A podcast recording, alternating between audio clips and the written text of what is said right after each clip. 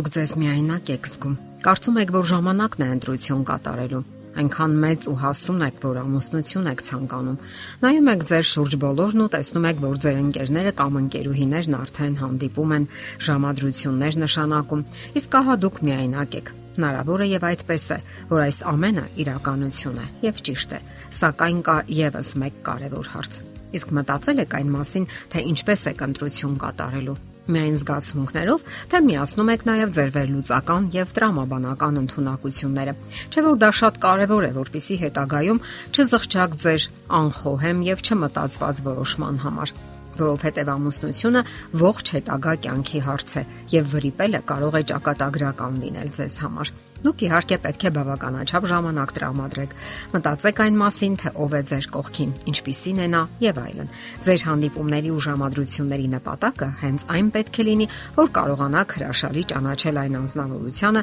որի հետ պատրաստվում եք ապրել մի ամբողջ կյանք։ Եվ պետք է իմանաք, որ գոյություն ունեն այսպես կոչված նշաններ, որոնք հստակ խոսում են այն մասին, որ ձեր միությունը կարող է լինել բարեհաջող կամ ընդհակառակը։ Դուք չեք համապատասխանում միմյանց եւ այստեղ չեն կարող օգնել զգացմունքները։ Հարկավոր է ուշադրություն դարձնել այն գործոններին, թե ինչպիսի ընտանիքում է մեծացել ու դաստիարակվել ձեր ընտրյալը։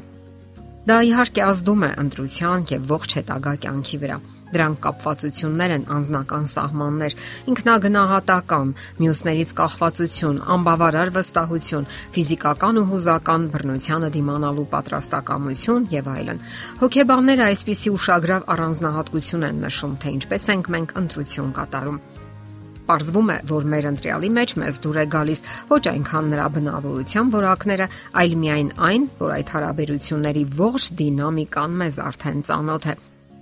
Մեզ թվում է, որ մենք կարող ենք վերահսկել միայն այն, ինչն արդեն ծանոթ է մեզ, իսկ ահա անծանոթը նորն ու անսովորը մեզ վախեցնում է։ Սակայն իրականում ավելի լավ է ընդհանրապես ճանաչել հարաբերություններ, քան ունենալ անառողջ հարաբերություններ, ապրել հիվանդագին մտնոլորտում։ Հիվանդ միջավայրը, անառողջ հարաբերությունները կլանում են ձեր ողջ էներգիան, քայքայում ձեր սոցիալական կյանքն ու առողջությունը, խանգարում, որ դուք նոր որոնումներ կատարեք, գտնեք այնպիսի մեկին, ով ավելի համապատասխան կլինի ձեզ։ Եվ վերջապես այդ էներգիան ու երանդը դուք կարող եք օգտագործել ինքնակատարելագործման վրա կյանքում մտավոր հոգևոր առաջընթաց ունենալու համար։ Իսկ ընդհանրապես ընտրություն կատարելիս ուշադրություն դարձրեք մի շարք կարևոր նշանների։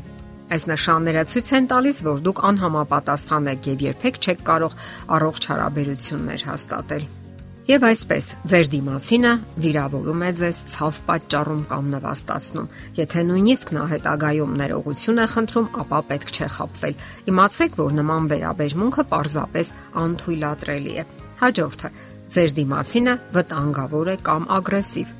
Նա սպառնում է, որ ձեզ կամ իրեն ցավ կպատճառի, եթե լքեք։ Եթե այդպես է, ուրեմն դուք պատանդի վիճակում եք եւ այդպես էլ կշարունակեք լինել։ Ժամանակն է խզելու հարաբերությունները։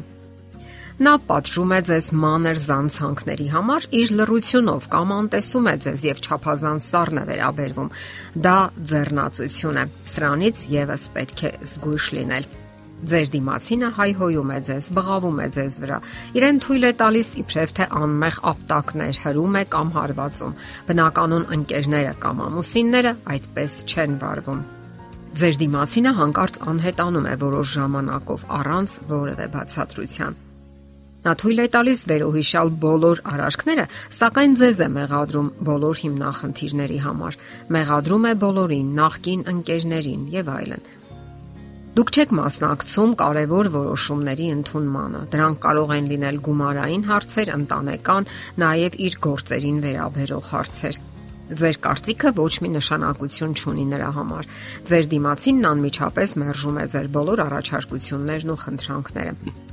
Դուք ոչ մի մասնակցություն չունեք նրա սոցիալական կյանքում։ Նա պարզապես անտեսում է ձեզ կամ էլ ընդունում որպես իր կցորդ։ Ուրեմն, եթե դուք նկատում եք վերոհիշյալ նշաններից որևէ մեկը, ուրեմն ժամանակն է հարաբերությունները խզելու։ Դուք արժանի եք ավելի բարեկեցիկ ու երջանիկ ամուսնության, այնպիսի մեկի հետ, ով կսիրի ձեզ եւ կհոգա ձեր մասին։ Ունեցեք նաեւ ձեր սատարման խումբը, այնպիսի ընկեր ընկերուհիներ, ովքեր կսատարեն ձեզ կյանքի դժվար պահերին։ Վիճակագրությունը ցույց է տալիս, որ այդպիսիները ավելի երկար են ապրում, քան նրանք, ովքեր միայնակ են, ովքեր անառողջ հարաբերությունների մեջ են կամ մնացել են առանց սատարման։ Իսկ անառողջ հարաբերությունները սովորաբար հանգեցնում են հենց միայնության, տագնապների ու դեպրեսիաների, քրոնիկական չարացածության։ Դուք չեք կարողանում կենտրոնանալ եւ ունենում եք շատ հիմնախնդիրներ։ Իսկ նման փակ շրջանակից դուրս գալու միակ եղանակը բացասական հարաբերությունների մեջ չմտնելն է կամ էլ ժամանակին դուրս գալը եւ ընդհանրապես խուսափելը։ Շատ ամուսնություններ են կանգվել, որոնք բոլորովին էլ երջանիկ ավարտ չեն ունեցել։ Իսկ ահա շատ միայնակ մարդիկ միանգամայն երջանիկ ապրում են եւ գոհ են իրենց կյանքից։ Երջանկությունն այն է, ինչը կա ձեր ներսում եւ ինչին ձգտում եք համառորեն։ Ձեր հաջողությունն ու ներքին խաղաղությունը ձեր անձնական որոշումն է։ Դե ինչ, դուք ժամանակ ունեք սահմանելու ձեր նախասիրությունները եւ կատարելու արդարացված ընտրություն։ Եթերում ճանապար երկուսով հաղորդաշարներ։ Ձեզ հետ է Գեղեցիկ Մարտիրոսյանը։ Հարցերի եւ առաջարկությունների համար զանգահարել 033 87 87 87 հեռախոսահամարով։